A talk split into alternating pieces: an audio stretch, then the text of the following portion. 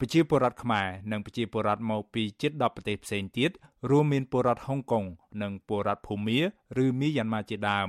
នាំគ្នាលើកបដានិងដើរដង្ហែក្បួនស្រែកតវ៉ាទ្រង់ទ្រាយធំតាមដងផ្លូវសំខាន់ៗនៅកណ្ដាលក្រុងតូក្យូនៃប្រទេសជប៉ុនផ្ញើសារឲ្យរដ្ឋាភិបាលចិនឈប់លូកដៃចូលប្រទេសរបស់ពួកគេដែលនាំឲ្យមានការរំលោភសិទ្ធិមនុស្សនិងរំលោភប្រជាធិបតេយ្យធ្ងន់ធ្ងរ ពលរដ្ឋខ្មែរដែលបានចូលរួមការតវ៉ានេះមានប្រមាណជាង40នាក់ដោយពួកគាត់លើកទង់ជាតិនិងបដាដែលសរសេរថាពួកគាត់មិនទទួលស្គាល់រដ្ឋាភិបាលរបស់លោកហ៊ុនសែនជាដាច់ខាតព្រោះជារដ្ឋាភិបាលកើតចេញពីការបោះឆ្នោតคล้ายៗប្រជាពលរដ្ឋមួយរូបដែលបានចូលរួមការតវ៉ានេះគឺលោកស្រីមាសភារាថ្លែងថាអ្នកតវ៉ាទាំងអស់ទាមទារឲ្យប្រទេសចិន ឈប់គ្រប់គ្រងរបបលោកហ៊ុនសែនតទៅទៀតនិងទាមទារឲ្យលោកហ៊ុនសែនស្ដារលទ្ធិប្រជាធិបតេយ្យនិងការគោរពសិទ្ធិមនុស្សឡើងវិញ។មិនមែនចេញមកពីឆន្ទៈពលរដ្ឋផងយើងមិនទទួលរដ្ឋាភិបាលឥឡូវនេះថាជារដ្ឋាភិបាលបានពួកយើងត្រូវតែតស៊ូមតិបដូរផ្ដាច់ទាមទារលទ្ធិប្រជាធិបតេយ្យមកវិញដោយសារលទ្ធិប្រជាធិបតេយ្យយើងឥឡូវតាមតែចុះក៏អត់មានសិទ្ធិបញ្ចេញមតិសូម្បីតែអ្នកសារព័ត៌មានក៏មិនហ៊ានផ្សាយការពិតអីកាត់ចងសកម្មជនដាក់កោធ្វើអីដូចថាជាឯកបៈអញ្ចឹងណាយើងអត់អាចទទួលយកបានទេយើងនឹងធ្វើចលនាជាមួយប្រទេសផ្សេងផ្សេងដើម្បីទាមទារលទ្ធិប្រជាធិបតេយ្យមកវិញទោះបីបានតិចក្តីច្រើនក្តីក៏នៅតែបន្តចលនា អ្នកតវ៉ាមួយរូបទៀតនឹងជាអនុប្រធានគណៈកម្មការចលនាសង្គ្រោះជាតិនៅប្រទេសជប៉ុនគឺអ្នកស្រីនិបបូរ៉ាលើកឡើងថាក្រៅពីការទៀមទាអរដ្ឋាភិបាលចិនឈប់លូកដៃចូលប្រទេសកម្ពុជានោះពួកគាត់ក៏ចង់បង្ហាញឲ្យរដ្ឋាភិបាលជប៉ុន និងពិភពលោកបានដឹងអំពីទុក្ខវេទនារបស់ពលរដ្ឋខ្មែរដែលរស់នៅក្រោមអំណាចផ្ដាច់ការរបស់លោកហ៊ុនសែនផងដែរ អ្នកស្រីស្នើសុំឲ្យរដ្ឋាភិបាលជប៉ុនពិនិត្យមើលការផ្ដល់ជំនួយរបស់ខ្លួនឡើងវិញព្រោះជំនួយមួយចំនួនមិនបានផ្ដល់ផលប្រយោជន៍ជាក់ស្ដែងដល់ពលរដ្ឋខ្មែរនោះទេផ្ទុយទៅវិញអ្នកស្រីថាជំនួយទាំងនោះបានជួយគ្រប់គ្រងអំណាចផ្ដាច់ការរបស់លោកហ៊ុនសែនដែលកំពុងធ្វើទុកបុកម្នេញនិងបំបិទសិទ្ធិសេរីភាពជាមូលដ្ឋានរបស់ពលរដ្ឋ បញ្ហាដែលយើងចង់ឲ្យគេជួយនឹងគឺចង់ឲ្យមានការជួយនៅគ្រប់នៅសិទ្ធិមនុស្សនិងជំនួយរបស់ជប៉ុនដែលជួយទៅនឹងសូមជួយសម្រាប់ទៅឲ្យមើលនៅរដ្ឋាភិបាលណាដែលជារដ្ឋាភិបាលស្របច្បាប់មួយកុំជួយទៅដល់រដ្ឋាភិបាលដែលឯកបៈអញ្ចឹងចា៎ ប្រជាពលរដ្ឋខ្មែររស់នៅប្រទេសជប៉ុននិងរស់នៅក្នុងបណ្ដាប្រទេសផ្សេងផ្សេងទៀតតែងតែចេញមុខតវ៉ាប្រឆាំងនឹងរដ្ឋាភិបាលលោកហ៊ុនសែនជាបន្តបន្ទាប់ក៏ប៉ុន្តែដោយសារតែវិបត្តិជំងឺ Covid-19 បានធ្វើឲ្យការតវ៉ារបស់ពួកគាត់ត្រូវបានអាក់ខានខ្លះ តាក់ទងទៅនឹងករណីនេះអ្នកនាំពាក្យគណៈបព្វជិជនកម្ពុជាលោកសុកអេសានឆ្លើយតបថាការតវ៉ាទាមទារកុំឲ្យចិនលូកដៃចូលកម្ពុជានិងបណ្ដាប្រទេសផ្សេងៗនេះគ្មានប្រសិទ្ធភាពអ្វីឡើយគ្រាន់តែជាការស្រែកតាមគ្នាប៉ុណ្ណោះលោកបន្តថាចំពោះការមិនទទួលស្គាល់រដ្ឋាភិបាលស្របច្បាប់បច្ចុប្បន្ននេះគឺហួសសម័យទៅហើយ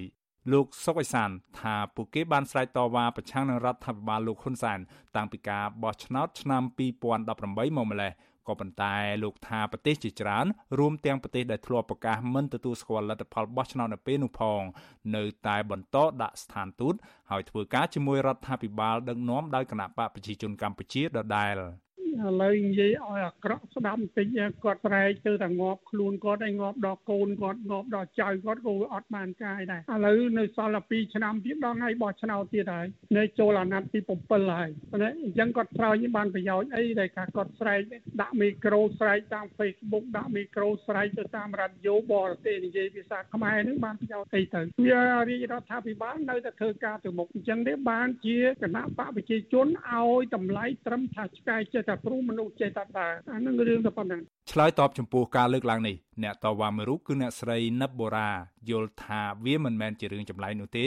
ដែលក្រុមមេដឹកនាំផ្ដាច់ការតែងតែឆ្លើយការពីទង្វើរបស់ខ្លួនហើយមិនបានយកចិត្តទុកដាក់ចំពោះសម្លេងស្រែកតវ៉ារបស់ពលរដ្ឋនោះសម្រាប់របបមួយដែលគេរំលោភអំណាចឬក៏គេចង់ដឹកនាំផ្ដាច់ការគេមិនដែលទទួលស្គាល់នៅអ្វីដែលជាគុណធម៌និងការទៀមទានិងសម្លេងប្រជាពលរដ្ឋដែលចង់បាននឹងទេគេមិនដែលបំរើឲ្យពលរដ្ឋដោយក្រមសីលធម៌និងគុណធម៌ទេគេតែងតែនិយាយពីអ្វីដដែលដដែលថាពួកយើងនឹងជាមនុស្សដែលក្រៅច្បាប់មនុស្សដែលឧទាមគេប្រើពាក្យមិនល្អមិនល្អសម្រាប់ពួកយើងប៉ុន្តែការពិតគឺពួកយើងជាមនុស្សដែលចង់បាននៅសេរីភាពចង់ជួយនៅប្រជាពលរដ្ឋដែលទុកលំបាកអញ្ចឹងយើងអត់ត្រូវចាញ់ឬក៏យើងត្រូវតាមអ្វីដែលគេនិយាយទេដោយឡែកប្រធានផ្នែកសិទ្ធិមនុស្សនៃសមាគមការពារសិទ្ធិមនុស្សអាត់ហុកលោកនីសុខាមានប្រសាសន៍ថាការតវ៉ារបស់ប្រជាពលរដ្ឋខ្មែរទាំងនៅក្នុងនិងក្រៅប្រទេសនេះ គឺដើម្បីទាមទារឲ្យមានការលើកកម្ពស់លទ្ធិប្រជាធិបតេយ្យនិងការគោរពសិទ្ធិមនុស្សសកលបែបនេះគឺជារឿងត្រឹមត្រូវហើយរដ្ឋាភិបាលគួរតែទទួលយកទៅពិនិត្យកែលម្អឡើងវិញ។ យើងតែងតែធ្លាប់បានទៅទូទៅដល់រដ្ឋាភិបាល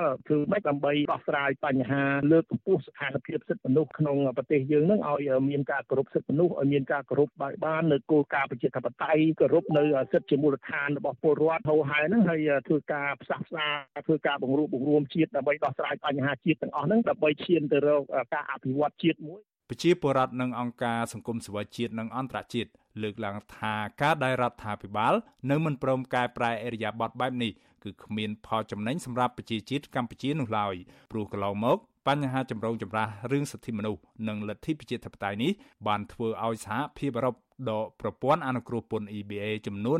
20%ពីកម្ពុជារួចទៅហើយពួកគេជឿថាក្រមប្រទេសប្រជាធិបតេយ្យធំធំ និងពង្រីកទណ្ឌកម្មបន្ថែមទៀតដែលក្នុងនោះក៏រួមទាំងទណ្ឌកម្មលើមន្ត្រីក្រាក់ក្រាក់នៃរបបក្រុងភ្នំពេញជាលក្ខណៈបុគ្គលផងដែរខ្ញុំបាទមេរិតអាស៊ីស្រីរាយការណ៍ពីរដ្ឋធានី Washington